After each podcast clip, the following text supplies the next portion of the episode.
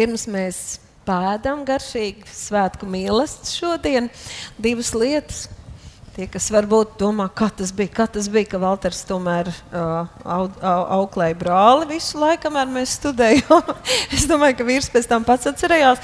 Mēs tā gan mēģinājām pāris reizes, bet vienreiz mēs uh, laikam tiešām pāris reizes. Tas tā pa jokam, bet mums vēl tur bija tā divu stāvu gultu.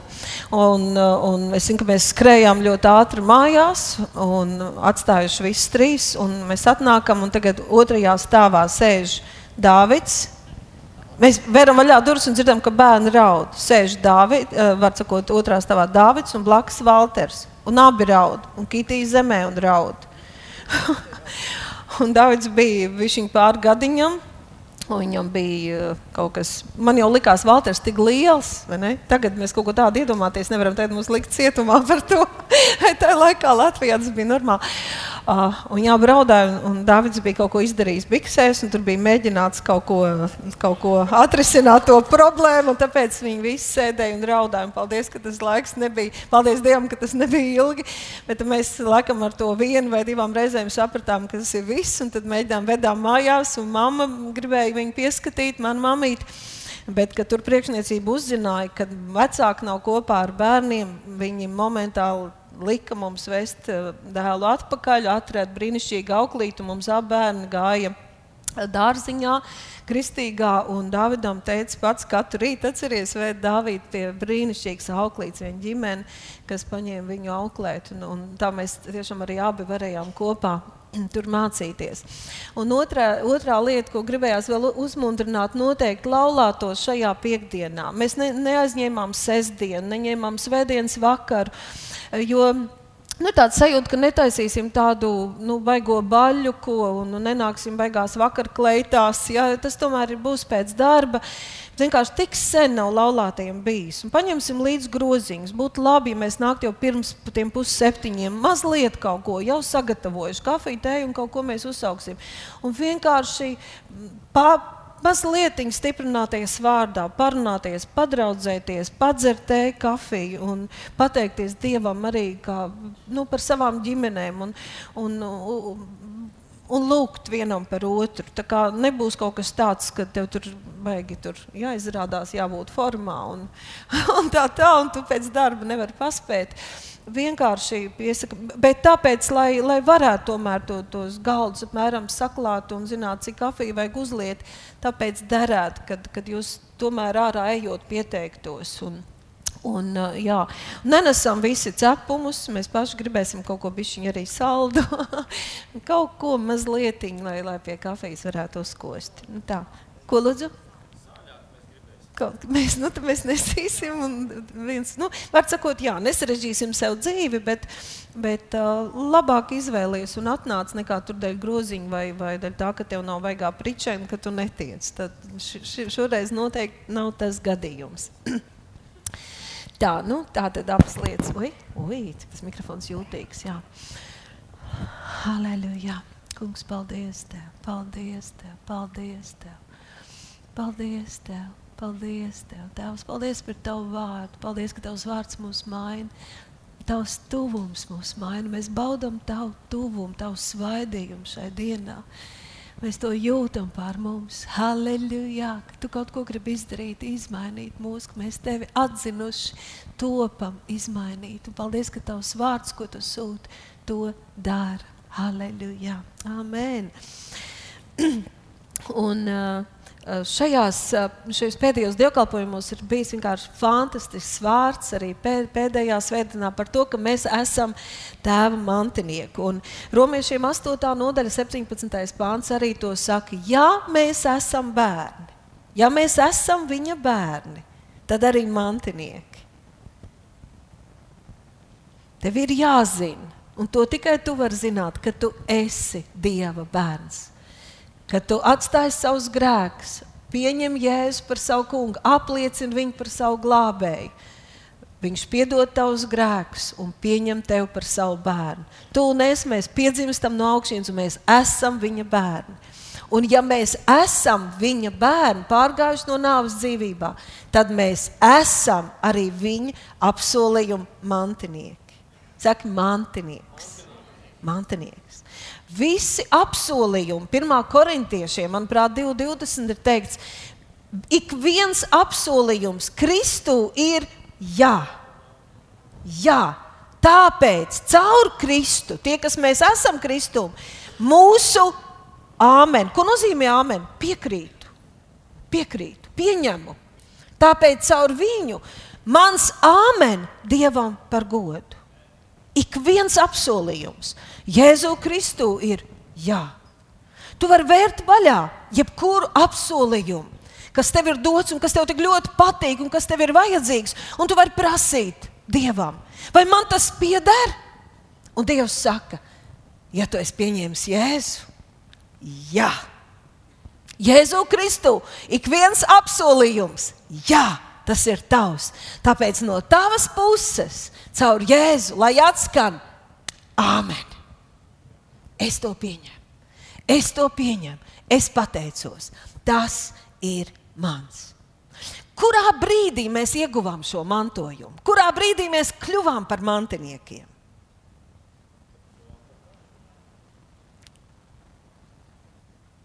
Faktiski, ja, Dievvvārds saka, un es izlasīšu ebrejiem 9. nodaļa, 16. pāns. Jo kur ir novēlējums, par novēlējums, viņš ir aprakstīts jau sāks, mūsu novēlējums, mūsu mantojums jau sāks, ap, tiek aprakstīts jau vecajā derībā. Bet ir teikts, kur ir novēlējums, tur nepieciešami jāpierāda novēlētāja nāve. Jo novēlējums ir spēkā, novēlējumam ir spēks pēc nāves, bet nav spēka, ja novēlētājs dzīves. Tāpēc, lai mēs iegūtu visu šo mantojumu, ko Dievs vēlas dot un ir solījis, lai mums būtu tiesības to pieņemt un to lietot, novēlētājs nomira mūsu vietā. Tas bija konstatēts fakts. Pilnīga nāve, pilnīgi miris, nomiris. Viņš satikās ar nāvi, pieņēma nāvi un beigās arī uzvarēja nāvi. Manā un tavā vietā. No tā brīža, no tā brīža novēlējums, mūsu mantojums stājās spēkā. Cik vien ir Dieva apsolījumi, tie visi ir Kristu jā. Tāpēc, lai ir mans āmen, mans piekrītu, mans es to pieņemu, es pieņemu, tas ir mans Dievam par godu. Uh! Viņam par godu. Pat man, bet viņam par godu. Vārds ir dzīves, vārds ir spēcīgs, vārds ir uh, darbojas. Dievs pats ir nomodā par to, lai vārds piepildītos. Tāpēc mans āmen Dievam par godu. Huh! Es piekrītu, es pieņemu. No visiem tiem bagātīgajiem apsolījumiem, no visa bagātā mantojuma, paskatīsimies vienu, ko mēs teiksim, tā nereti lietojam, diezgan bieži. Un tas ir rakstīts 1. pētera 2,24. Kas tur ir rakstīts? Jo viņš uznesa mūsu grēkus savā miesā pie staba, lai mēs grēkiem miruši dzīvotu taisnībai. Ar viņa brūcēm mēs esam cietināti. Te jau ir uzlikts tas, kur ir izcelts ar sarkaniem. Man bija pirmais, manuprāt, variants, kur ne, bet varbūt jaucu. Uh, ja, ja es nebūtu izcēlus šos uh, burtus uh, ar sarkanajiem, uh, sarkanajā krāsā, uh, Parasti, kad mēs atkal un atkal meklējam šo raksturvietu, mēs to meklējam tā piedēklīšu dēļ. Man gribas saukt šī gadījumā to par šī panta piedēklīti. Mēs meklējam, kad mums vajag vai kādam dziedināšanu, vai kādam gribam parādīt, ka pieder dziedināšana. Kur bija pētījumā Pētera 224? Jo tur taču ir teikts, ar viņa brūcēm jūs esat dziedināti. Bet tā dziedināšana ir tikai piemetamā daļa. Tas, Kāpēc mums vajadzētu visiem atkal un atkal meklēt, šķirt vaļā šo konkrēto raksturvietu un ar acīm vienkārši iurpties, vienkārši iedziļināties un ar savu muti to atkal uz, izrunāt un izrunāt? Ir tā sakne, tas pamats, kas šeit ir teikts, un te ir teikts, viņš uznesa manus grēkus. Viņš uznesa visus manus grēkus. Tos grēkus, kas man apsūdz, tos grēkus, kas man grib pazudināt, tos grēkus, kas man grib atņemt mantojumu, tos grēkus, kas man grib iztaisīt par grēka vergu. Tos grēkus, kāpēc vēlams grib ņirgāties par manu dzīvi, atņemt man spēku. Tos grēkus, no kā es pati nekādīgi nevaru tikt vaļā, viņš paņēma uz sevi manus grēkus. Savā miesā, pie stūra, lai es grēkam mirusi. Saka, lai es grēkam mirusi lai es grēkam mirs. Viņš paņēma manus grēkus, lai es grēkam mirs. Viņš paņēma manus grēkus, saka, viņš paņēma manus grēkus, lai es grēkam miris, varētu dzīvot taisnībai. Viņš iznīcināja grēka fabriku manī. Lai es grēkam mirusi, dzīvot taisnībai. Viņš iznīcināja grēka spēku, viņš paņēma ārā grēku no manis. Viņš uzvarēja grēku neviens cilvēks nevar tikt galā ar grēku spēku. Ar kā mācītājs jau sen apakaļ teica, ar to grēka ražotni, kas ir cilvēkā jau no dzimšanas. Neviens cilvēks, nevienam nav tik daudz naudas uz pasaules, kopā ņemot, lai tiktu galā, lai kaut ko izdarītu ar šo grēku fabriku, kas apsūdz, kas iznīcina, kas pazudina. Un Dievārds saka, grēka alga ir nāve mūžīga pazušana. Kā lai mēs paši tiekam galā ar grēku? Kur lai mēs ņemam spēku? Ko lai mēs darām ar to grēku? Kā lai mēs tiekam no tā prom? Jūs zināt, tas ir tik vienā ziņā nožēlojami, bīstami, bet pat interesantā skatīties no malas, kas šobrīd notiek pasaulē. Jūs zināt, runājot par psihologiem, par psiholoģiju, par psihiatriju, šīs zinātnes ir pavisam, pavisam jaunas. Viņas ir ieņēmušas milzīgu tādu svarīgu pozīciju sabiedrībā, it sevišķi attīstītajās valstīs. Bet, ja mēs tās skatītos, viņas ir ļoti jaunas zinātnes. Un šajā gadā es tā pēkšņi pa īstam un skaidri ieraugu Kad šī psiholoģija, kas ir kā palīdzēt dvēselē, kā sakārtot cilvēku dvēseli, kā likt viņam justies labi. Un jūs dzirdēsiet, ka atkal un atkal saka, kas tā par vainas sajūtu cilvēkam. Ir, ir visādi jāstrādā ar cilvēku, lai nebūtu nekāda vainas sajūtas. Un, un tā tālāk, lai cilvēks justos labi, lai cilvēks justos pieņemts, lai cilvēks justos svarīgs, lai cilvēks spētu sevi atrast. Un es atceros jau sen atpakaļ, kad es studēju. Uh, Atceros, kā jauns psiholoģijas pasniedzējs, kā viņš ņirgājās par terminu dvēseli trīsvienībā. Tagad ir pagājis neliels laiks, un tas tā galīgi vairs nenotiek. Un tad paskatoties, kā psiholoģija attīstās dažāda veida, dažādās nozarēs, tad es redzu, burtiski var redzēt, ka viņi tā kā iekavē, ieklibo kādu, nu, aizvien vairāk, ja viņi sadzen, jo viņi redz avotu, viņi skatās uz avotiem. Es runāju par pasaules, kaut kur, kas sākās Amerikā, kaut kur, ne jau Latvijā. Nāk atklāsme no Dieva.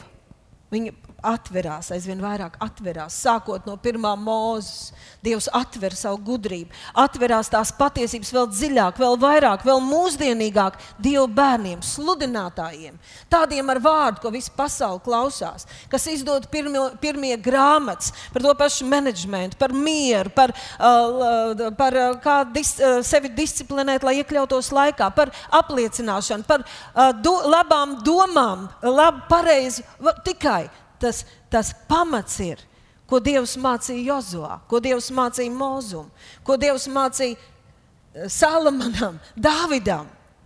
Tad, tas sākās no atklāsmes Dieva bērnos, draudzēs, svaidītās, svētītās draudzēs, kur pravieši un apstuļi sāk mācīt dziļas mācības. Pēc kādiem pieciem, septiņiem, agrāk bija, es domāju, pirms kādiem desmit gadiem, nu jau tā atkāpība samazinās, to sāka mācīt visur. Paklausies, tas ir pilns. Visas šīs patiesības, pa, gaiši domāt, pateikties, būt pateicīgam, būt priecīgam, pat garas smieklus, veido kaut kādas grupas un māca vienkārši tīri sākt smieties, stāvēt pļavā un sākt smieties. Vakar mēs piedzīvojām tādu interesantu situāciju.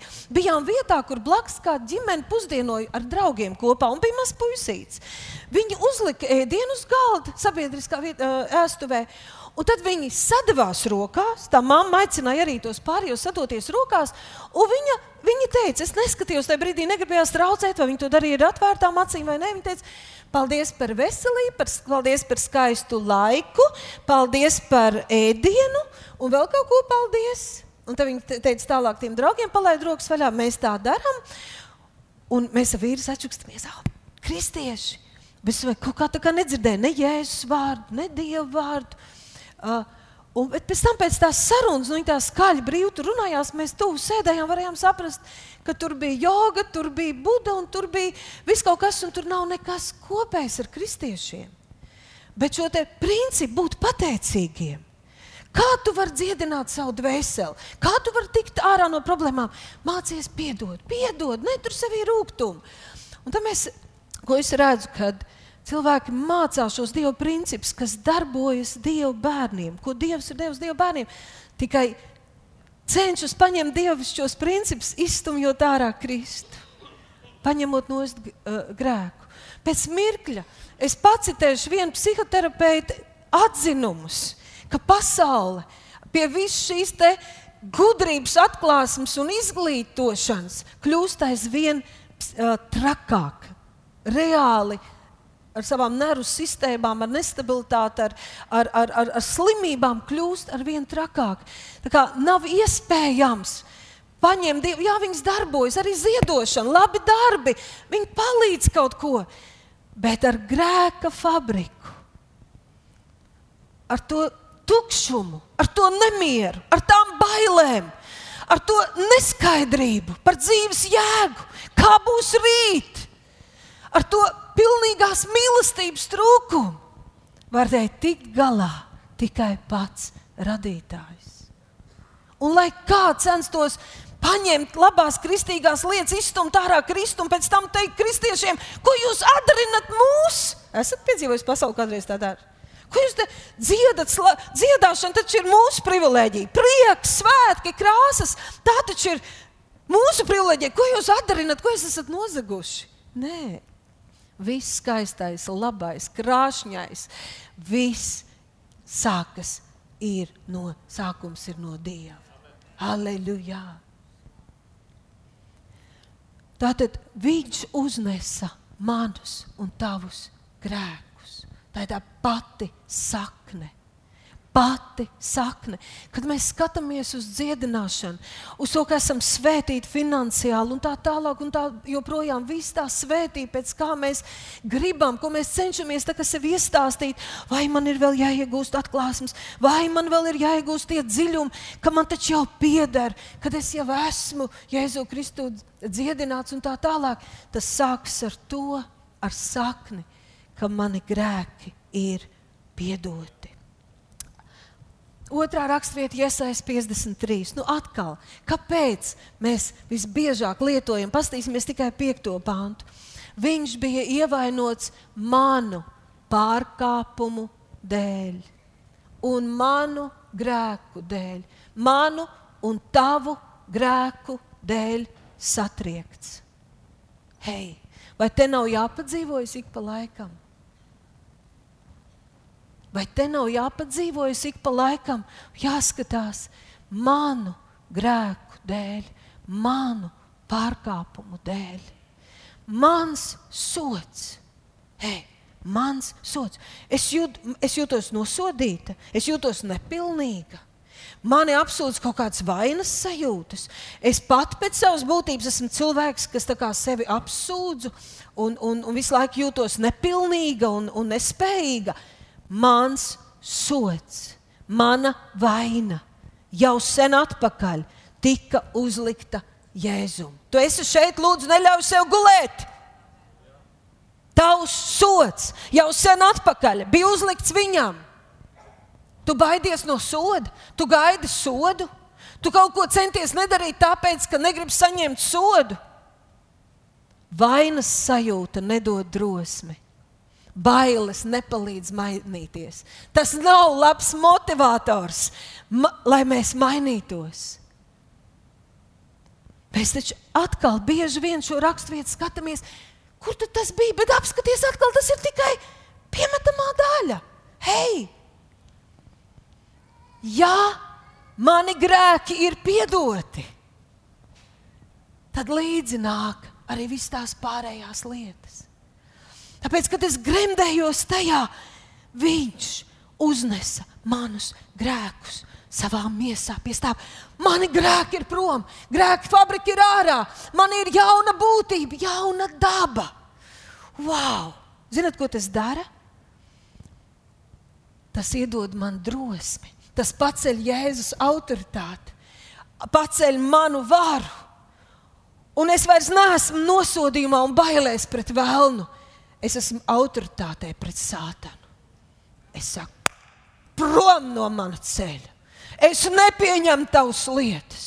Tev nav kur man pieķerties, tev nav kamā mani apsūdzēt, jo mans sots un mani grēki ir uzlikti viņam, man par atpestīšanu. Es esmu brīva no grēka fabrikas. Bet tas nav tā vienkārši. Tas ir fakts, un viņš karājas kaut kur gaisā, apstiprināts ar Jēzus asinīm, lai tas kļūtu mans man tajā ir jādzīvo, par to jādomā, par to jāpateicas, jo mans ir tikai tas, ko es lietoju. Halleluja! Es palasīšu, un tu vari tikai paklausīties, un mājās vienkārši, ja tu gribi, lai tas vārds tevī nostiprinās. Lai tu vari pieņemt to mantojumu, lietot to, kas tev pieder mājās, paskaties. Tur izlasīt visas Pāvila vēstuli ebrejiem, bet tur palasīt īpaši 9. un 10. nodaļu. Un tur Pāvils skaidro par to, kā Kristus upurs salīdzinot ar vecās derības upurēšanas veidiem, ir iznīcinājis grēka spēku, ir iznīcinājis grēku mūsu lielāko ienaidnieku. Vēlns lieto grēku. Tātad ebrejiem 9. nodaļa no 11. panta. Bet Kristus ir tie darīja daudzreiz, regulāri, bet Kristus ir atnācis par nākamo labumu augstpriesteri caur lielāko un pilnīgāko telti. Ne rokām taisīt kā vecās derības laikā. Tas ir ne šai radībai piederīgu, ne ar āžu un teļu asinīm, bet ar savām paša asinīm uzmanību, reizi par visām reizēm. Viņš ir iegājis svētnīcā un panācis uzmanību mūžīgu izpirkšanu. Mūžīgu manu un tavu grēku izpirkšanu. Viņš ir panācis ar sa pienesot savus asinis mūžīgu, mūžīgu manu un tavu grēku izpirkšanu. 24. pāns. Jo Kristus nav iegājis rokām taisītā svētnīcā, bet pašās debesīs, lai tagad par mums parādītos Dieva priekšā. Nevis lai sevi bieži upurētu, kā priesteris ik gadu, kurš iet svētnīcā ar svešām asinīm, es izlaižu, bet tagad viņš vienreiz laiku galā ir parādījies uzmanību, lai iznīcinātu grēku. Atstājiet arī uz lielā ekrāna eh, šo laiku, kamēr es lasīšu arī desmito nodaļu. Lai iznīcinātu grēku, sevi upurējot. Jēzus iznīcināja grēku, saka, iznīcināja. To grēku, kurš tev kārdina, to grēku, kurš tev liekas tik spēcīgs, tik vilinošs, ka tev liekas, ka tu tomēr netiec ar viņu galā. Jēzus šo grēku iznīcināja. Sevi upurējot, viņš iznīcināja. Viņš ir augstpriesteris, kurš mūs nenosoda, bet kurš mūs saprot jo viņš izgāja visu ceļu, iztukšoja sevi no dievišķā, pazemojās līdz viszemākajai vietai, lai nebūtu neviens cilvēks, neviens cilvēks, lai nebūtu neviens grēks, nekāda veida grēks, ar ko cilvēks nevarētu tikt galā, jo viņš jau, jau, es šo svētu nosaucu vienu vārdu, liels tāds jau, saka jau, jau iznīcināja pie krusta. Viņš jau tas ir kā burbulis, gaisa burbulis. Tad viņš liekas liels, viņš kļūst aizvien lielāks. Tev liekas, ka tu netiksi galā. Bet patiesībā tur ir viens dūriens, kas ir tukšs. tukšs. Jēzus nāve atņēma grēkam spēku manā un tavā dzīvē. Viņš iznīcināja, lai mēs bū, varētu būt kā viņš lai varētu dzīvot, varētu būt par svētību, lai mēs, mums nebūtu jādzīvo apsūdzībā, sevis nicināšanā, vainas sajūtās. Viņš iznīcināja grēku, atņēma grēkam spēku, sevi upurējot mūsu vietā. Un kā cilvēkam nolēmts vienreiz mirt un pēc tam tiesa, tā arī Kristus vienreiz upurēts daudzu cilvēku grēkus atņemt. Un man patīk šī piebilde, neatkarīgi no grēkiem. Neatkarīgi kāds grēks tu dari. Un Vēlams jau saka, tā kā tu grēko, kāds, kāds tu esi grēcinieks, kāds tu esi īpatns, kāds tu esi slinks, kāds tu esi neklausīgs. Tāds nav neviens. Tu nevienam nevari stāstīt. Tu esi tādā, tādā, tādā, tādā, tādā. Un, ja es saku, neatkarīgi no grēkiem, visus grēkus, lai kādi viņi nebūtu, cik pretīgi nebūtu, cik viltīgi nebūtu, visiem ir viens mērķis - apzakt, iznīcināt, izpostīt mūsu un Jēzus iznīcināja grēku spēkus. Viņš, es lasu tālāk, ebrejiem 10. nodaļa, 1. pāns.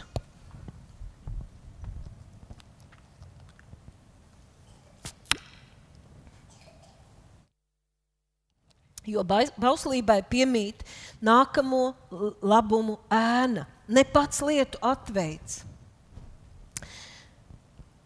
nekad nevar ik gadus ar tiem pašiem upuriem, ko nepārtraukti atnes, padarīt pilnīgus tos, kas tiem ar tiem tuvojas. Vai citādi upurēšana jau senāk nebūtu pārtraukta, tāpēc ka upurētāji vienreiz šķīstīt vairs neapzinātos nekādus grēkus. Nē, šie te upuri to nedarīja. Bet ar upuriem ik gadus grēki tiek tikai atgādināti. Jo vēršu un āžu asinīm nav varas atņemt grēkus. Edzi, kad tu pats centies tikt arī galā ar saviem grēkiem, savā spēkā, tad tev tikai aug vainas sajūta, un grēki tikai tiek atgādināti, atgādināti, tiek atgādināti, cik tu esi grēcīgs. Bet viņiem nav varas, nav varas atņemt grēkus. Tāpēc pasaulē ienākdams Jēzus te, teica, upurs un dāvāns tu Dievs neesi gribējis, bet miesu tu man esi devis. Miesu, kāpēc? Lai viņš šajā fiziskajā miesā paņemtu mūsu grēkus, izciest mūsu sodu, lai mēs šajā fiziskajā miesā varētu dzīvot svētas dzīves. Dievs teica, Beidzas laiks, upurēšanas laiks. Tagad nāks pilnīgais upuris, Jēzus Kristus. Viņš atceļ pirmo labos darbus, cenšanos, lai nodibinātu otro Jēzus Kristus nāvi. Viss piepildīts! Un desmitais pāns saka, pēc viņa gribas mēs esam. Mēs jau esam, saka, es jau esmu. Tā bija Dieva griba. Pēc viņa gribas mēs esam ar Jēzus Kristus miesas upuri padarīti svēti pavisam. Jēzus ne tikai mūs paņēma prom uz labāku zemīti, kur mazāk grēkus, viņš aizgāja mūsu vietā un izcieta mūsu sodu, ko mēs bijām pelnījuši. Halleluja! Jo ar vienu upuri viņš uz visiem laikiem, saka, uz visiem laikiem, padarīs man svētu. Ar vienu upuru uz visiem laikiem viņš mani jau ir padarījis pilnīgu un svētu. Un uz, apsties, ko saka 18. pāns. Jo kur ir grēku piedošana, tur vairs nav upurs par grēkiem. Redzi? Atceļ pirmo, nodibina otro. Tur, kur ir grēka piedošana, vairs nevar būt upuri par grēkiem. Tur redzi? Tur var būt pateicība, pateicība, pateicība, pateicība, bet ne darbi. Bet ne darbi, lai nopelnītu, bet ne darbi, lai nopirktu. Vai nu pirmo atceļ, un otrais stājas spēkā, vai tu dzīvo pirmajā, un tad ir oi, oi, oi! Tur, kur ir pateicība, vairs nav darbi. Tur, kur ir piedošana, vairs nav darbi. Halleluja! Tur, kur ir grēka piedošana, Dievs vairs nesagaida upurus par grēkiem. Romiešiem 3. nodaļa, 24. pāns saka, bet Dievs savā žēlastībā to es taisno bez nopelna. Tu esi šeit. Dievs mūs taisno. Mēs varam prasīt, kāpēc? Kāpēc? Kāpēc? Es esmu tāds un tāds. Kāpēc? Kāpēc mani? Es nezinu. Viņš mīl. Viņš taisno bez no. Tad kāpēc tu meklē nopelnus sevī? Kāpēc tu meklē sevī nopelnus? Kāpēc lai Dievs piedotu, taisnotu, kaut ko darītu? Viņš to dara bez nopelna. Viņš ir sagādājis pestīšanu tiem, kuri tic. Viņš ir nolicis sev par grēku izpircēju savā asinīs.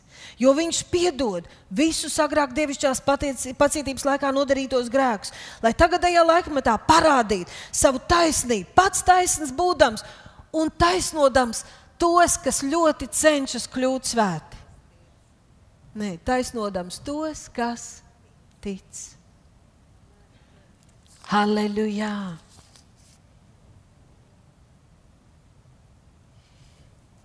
Jā, Dievs vēlas lai mēs dzīvojam svētas dzīves.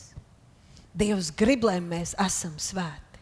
Jā, arī 21. gadsimtā, jā, tāpat kā pirmajā. Bet tev nebūs iespējams, mums nav iespējams būt, dzīvot svēti, ja mēs neesam pieņēmuši, ka jau esam svēti. Tu nekad nekļūsi svēts, kamēr nepieņemsi, ka tu jau esi svēts. Tavi grēki jau ir piedoti.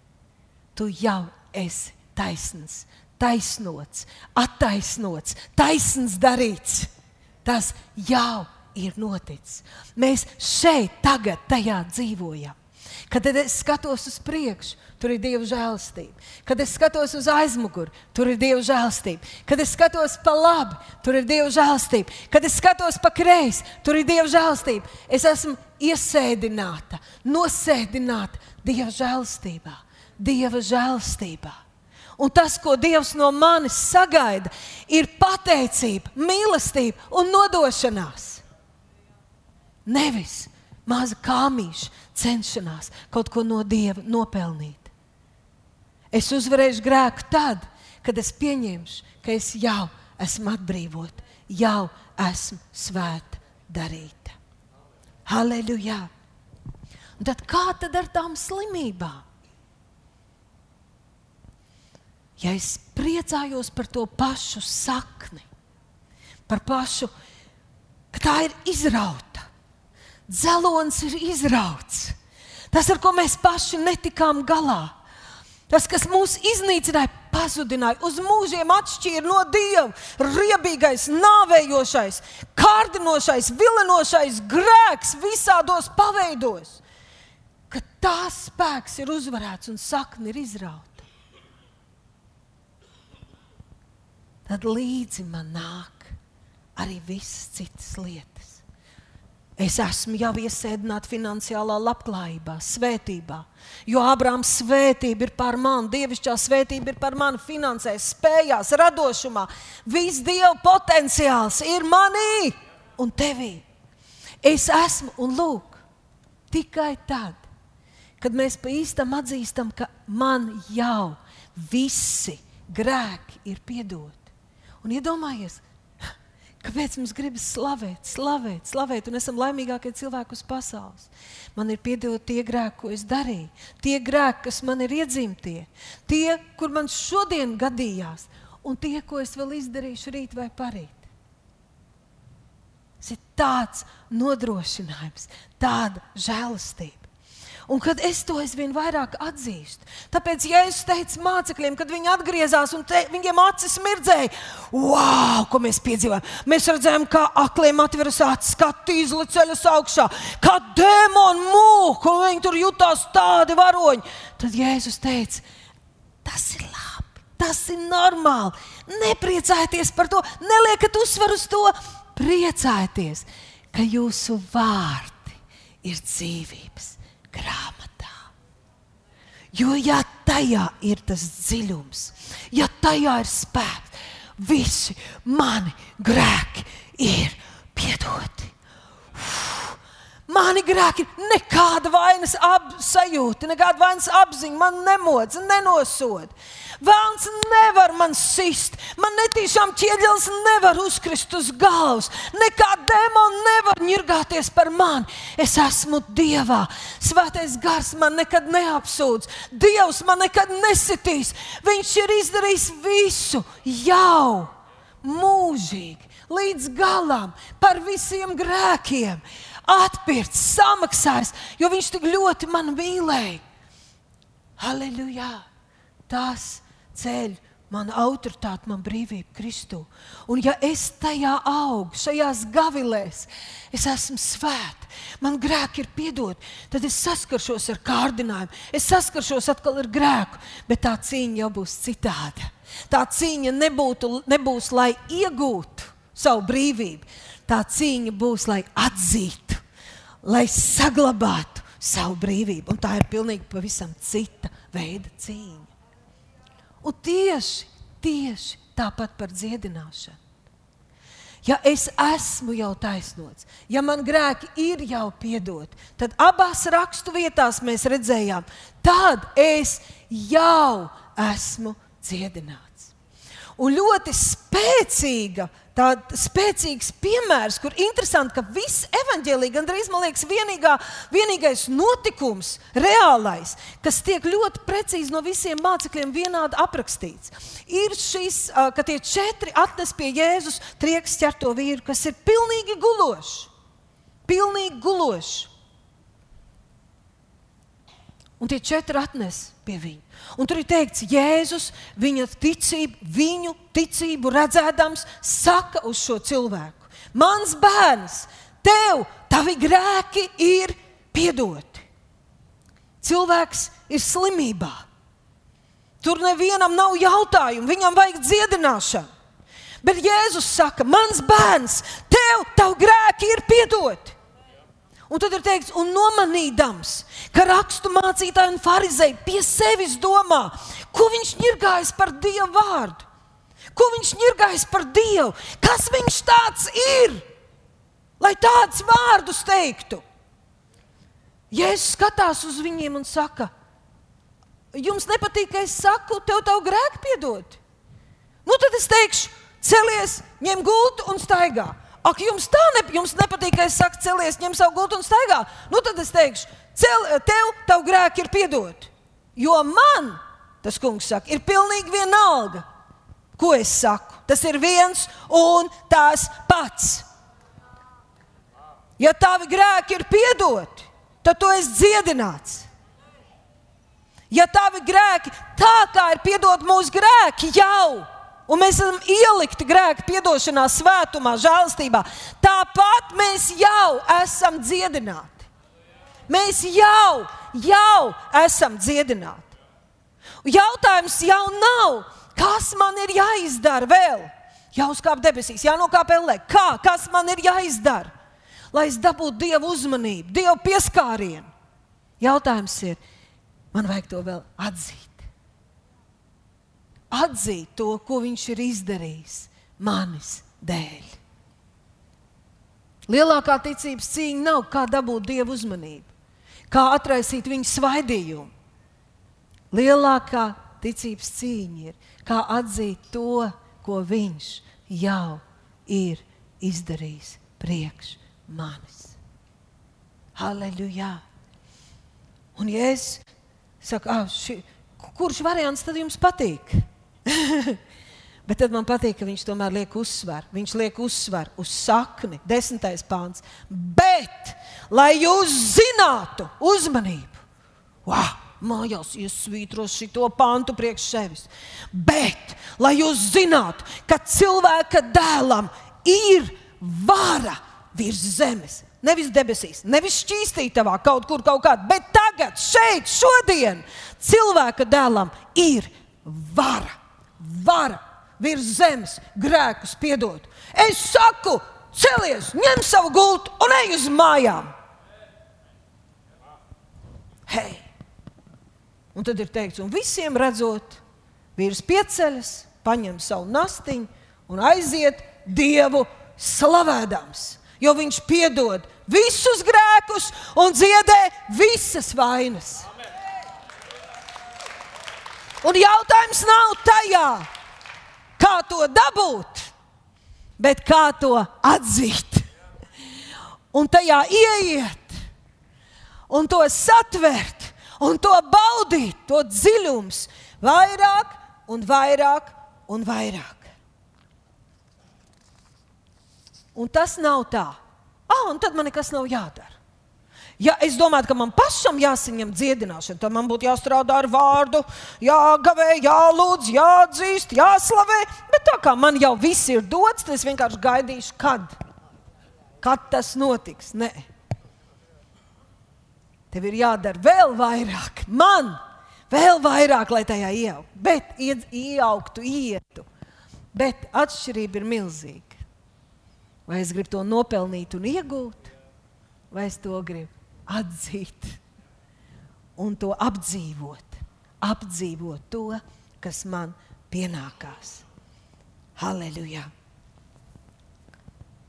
Ir tāds garīgs princips, jo ir cilvēki, kas domā, ka viņi ir ļoti patiesi un ļoti pazemīgi, kad viņi saka, es nevaru, es nekas neesmu, man nesanāk.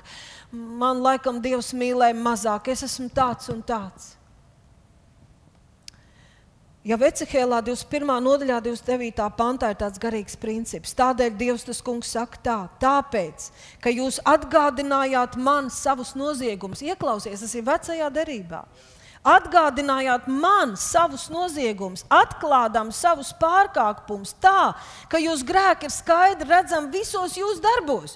Jūs par tiem domājat, jūs par tiem runājat, un viņi arī parādās jūsu dzīvēs. Jūs paši to apliecināt, tad arī jūs šo grēku dēļ tiksiet satverti ar stingru roku. Tas ir garīgs princips. Kā tu sev redzi? Vai tu sevi redzi dziedinātu, kam vajag atzīt brīnumu, piedzīvot to, vai tu redzi sevi slimu, kam tagad ir jānopelna dziedināšana? Un tā tu ar jebkuru lietu. Tad no tiem, kas ir Kristu Jēzu, vairs nav nekādas pazudināšanas. Jo dzīvības gars Kristu Jēzu ir atbrīvojis no grēku nāves likuma. Bet, ja es to nepieņemu, ja es to neievēroju, tad man būs bezgalīgi daudz visādas pazudināšanas un es pati sevi pazudināšu nepārtraukti.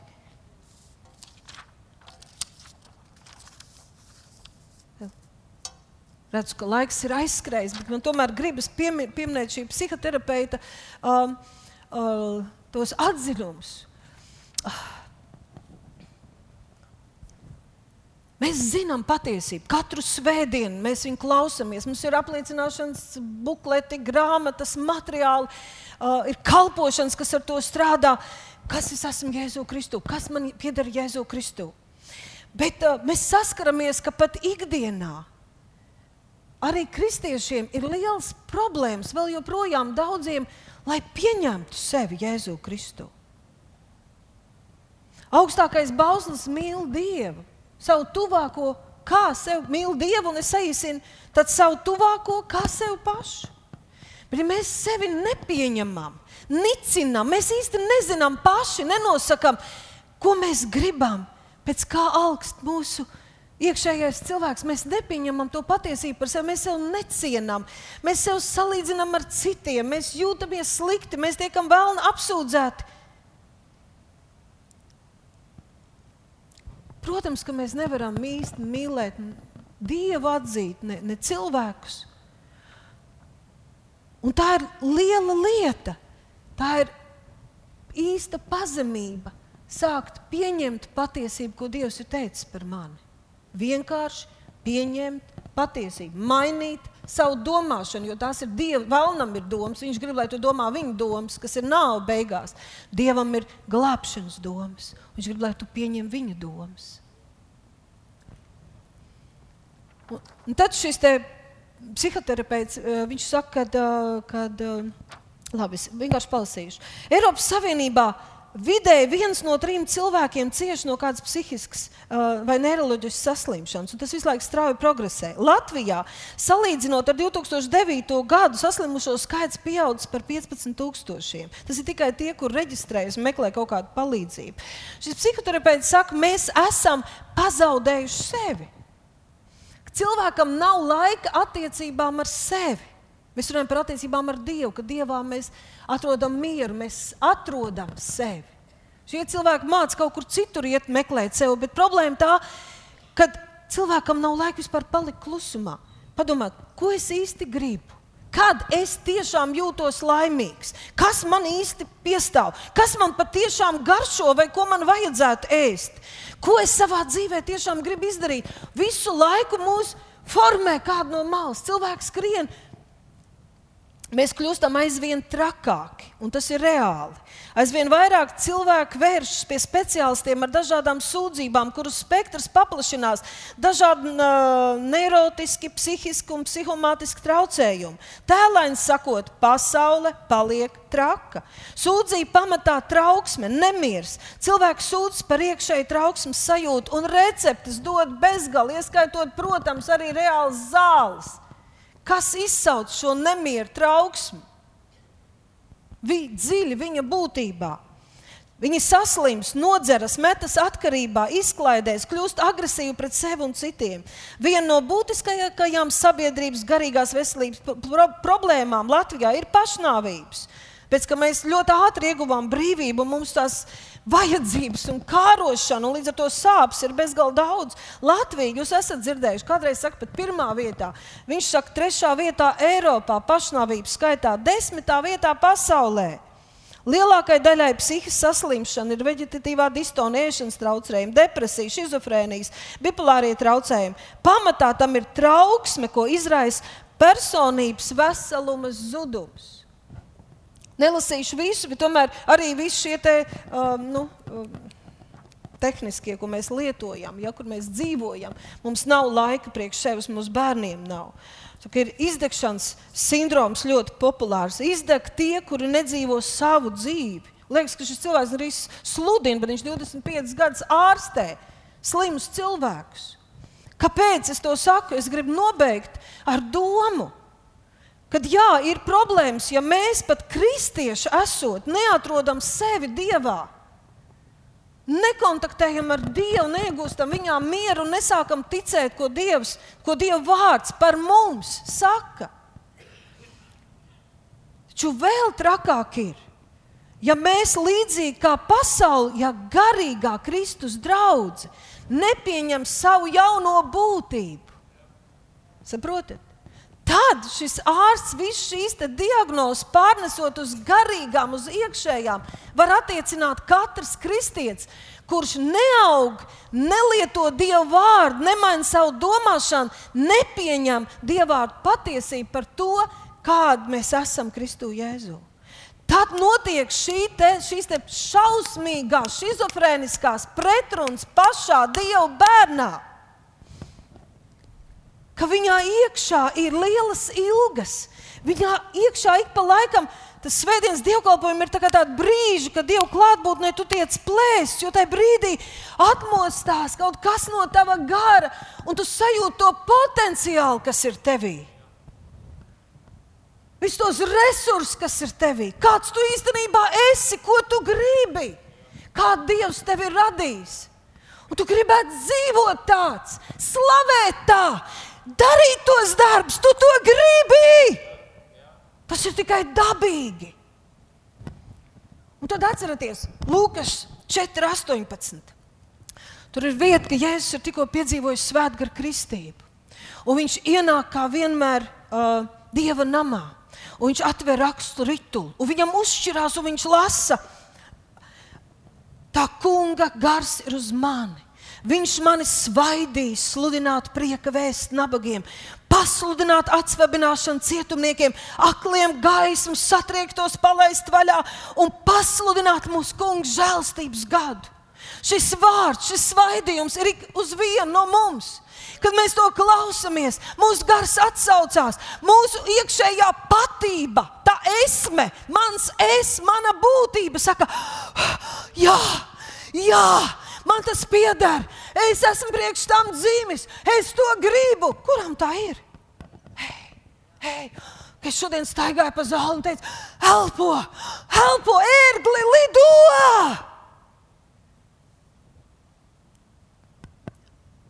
Jēzus to pasaka, izlasa, vai piedodiet. Tad viņš aizver grāmatu, apsēžās un viss ir mēmī. Tai brīdī tur ir tāda autoritāte, tāds svaidījums par tiem klausītājiem, ka neviens neko nesaka, viss skatās uz viņu. Un vi, Jēzus sāk runāt, šodien jūsu ausīm, šis jūsu ausīm dzirdētais raksts ir piepildīts. Un visi brīnījās par žēlstības vārdiem, kas nāca no viņa mutes. Ot, šitā nu pat jūs uz mirkli sajutāties. Jā, jā. Un tā viņi tur sēdēja. Un tad ir tas dabiskais turpinājums. Bet tad viņiem nāca nākamā doma. Vai šis nav Jāzepa dēls, ko mēs pazīstam? Hei, paskaties uz sevi! Vai tu sev nepazīsti? Vai tu neesi mēģinājis? Vai tu nezini savus tos tur, ko citi nemaz nezina? Apsūdzētais klāt. Vai tu neesi tikai Jāzepa dēls? Jēzus saka, es zinu, jūs tā domājat. Viņš sacīja, jūs noteikti man sacīsiet, sakām vārdu, ārsts dziedina pats sevi. Nu, taču, nu! Visu, ko esam dzirdējuši Kapernaumā, to darat arī šeit, savā garu šeit, tēvu zemē. Un, ja es saku, tiešām es jums saku, uzmanību. Neviens pravietis netiek cienīts savā tēva zemē. Neviens pravietis. Tu esi pirmkārt savas dzīves pravietis. Kurš kalpo, kurš dara izvēles, kurš pielūdz, kurš atzīst, kurš izvēlas uzticēties Dievam, kurš apliecina ar savu mutu, kurš pienes garīgs upurs, kurš valda, kurš ļauj tam iekšējam cilvēkam dzīvot, ka tu atrod sevi, ka tu dzīvo saskaņā ar sevi. Tu esi savas dzīves pravietis. Un Jēzus saka, ka tāpat bez izvēles, bez atklāsmes. Neviens, pēc ka vēlnam ir pieeja pie mūsu vecās dabas, un mūsu daba kaut vai mūs vienmēr apsūdzēs un neļaus mums būt brīviem, atvērtiem, atsaucīgiem svētam garam. Tāpēc tev ir jāizdara izvēle, vai tu dzīvo miesā vai dzīvo garā. Un paskatieties, ko viņš saka tālāk. Jo patiesi es jums saku, daudz atrauņu bija Izrēlā Elīzes dienās, kad debesis bija aizslēgts trīs gadus un sešus mēnešus, tā ka liels bats nāca par visu zemi. Tomēr Elīze tika sūtīts tikai pie vienas sareptā. Un daudz spitālī, ko bija Izrēlā pravieša Elīzes laikā, tomēr neviens no tiem netika šķīstīts kā vien, viens Nāemans. Ko Jēzus šeit saka? Viņš šo te viņš Viņš burtiski, mēs šodien varētu teikt tā, ja es pasaku, es no savas puses esmu visu izdarījis.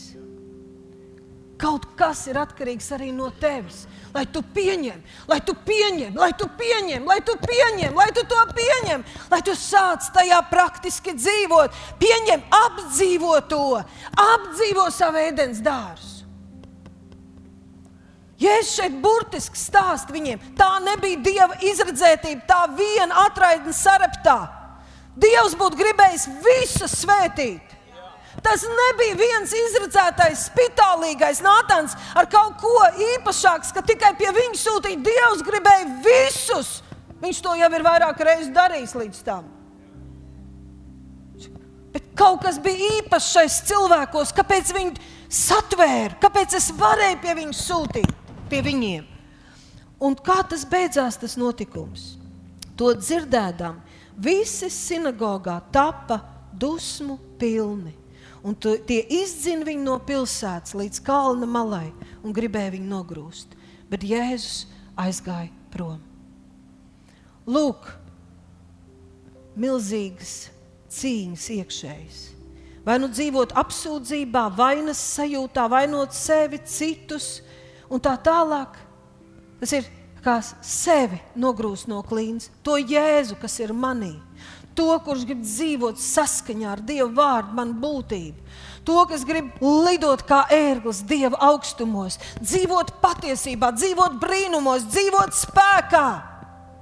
Tā mūsu vecā daba, reliģiskā daba, grib nogrūst zemē no, krī, no klīnas un nepaņemt kaut kādu atbildību uz sevi par savu izvēli, atstāt to it kā dieva ziņā.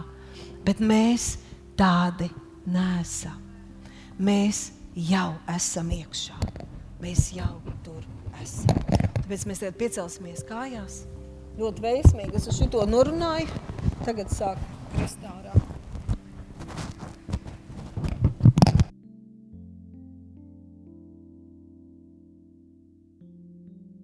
Halleluja. Halleluja, halleluja, halleluja. Hei, hei, hei, hei, hei, hei, hei, hei, hei, hei, hei, hei, hei, kungs, es pateicos, ka mēs nedarīsim tā, mēs negrūdīsim to vārdu zemē no klints mēs pieņemsim tavu patiesību. Mēs nekļūsim dusmu pilni, neataisnosim un nevainosim. Mēs atzīsim, ka tu uznesi mūsu grēkus savā miesā pie stāba, lai mēs grēkam miruši, dzīvot taisnībai. Ar tavām brūcēm mēs esam dziedināti. Es pateicos, Svētais Gars, ka tu tā rūpējies par mums, par mani. Lai man tavs vārds būtu dzīves, lai es to varētu atzīt, mīloties ar to, baudīt, runāt kā priesteris, kā pravietis par savu namu. Halleluja! Cienot sevi, pieņemot sevi pieņemot šo savu pravietisko kalpošanu par savu dvēseli, par savu dzīvi, par savām izvēlēm. Halleluja! Tēvs, paldies Tev! Ka tavu upuru dēļ mēs varam cienīt sevi, cienīt to jauno radījumu, kāds tu mūs esi radījis. Mēs vairs neskatāmies uz sevi pēc miesas, kā pazinām. Mēs skatāmies uz sevi, saredzot tavu brīnumu darbu un mūsu gars sauc, un mūsu dvēseli pie, pieskaņojas tam, ka man ir, es varu, un es arī daru, un es to satveru, un es tajā dzīvoju, un es to baudu. Halleluja! Halleluja! Un es nekritīšu aizā. Es nedošos bezdibenī, bet es iešu no spožuma uz spožumu, no spēka uz spēku, līdz līdz, līdz, līdz satikšu tevi vaigu vaigā. Halleluja!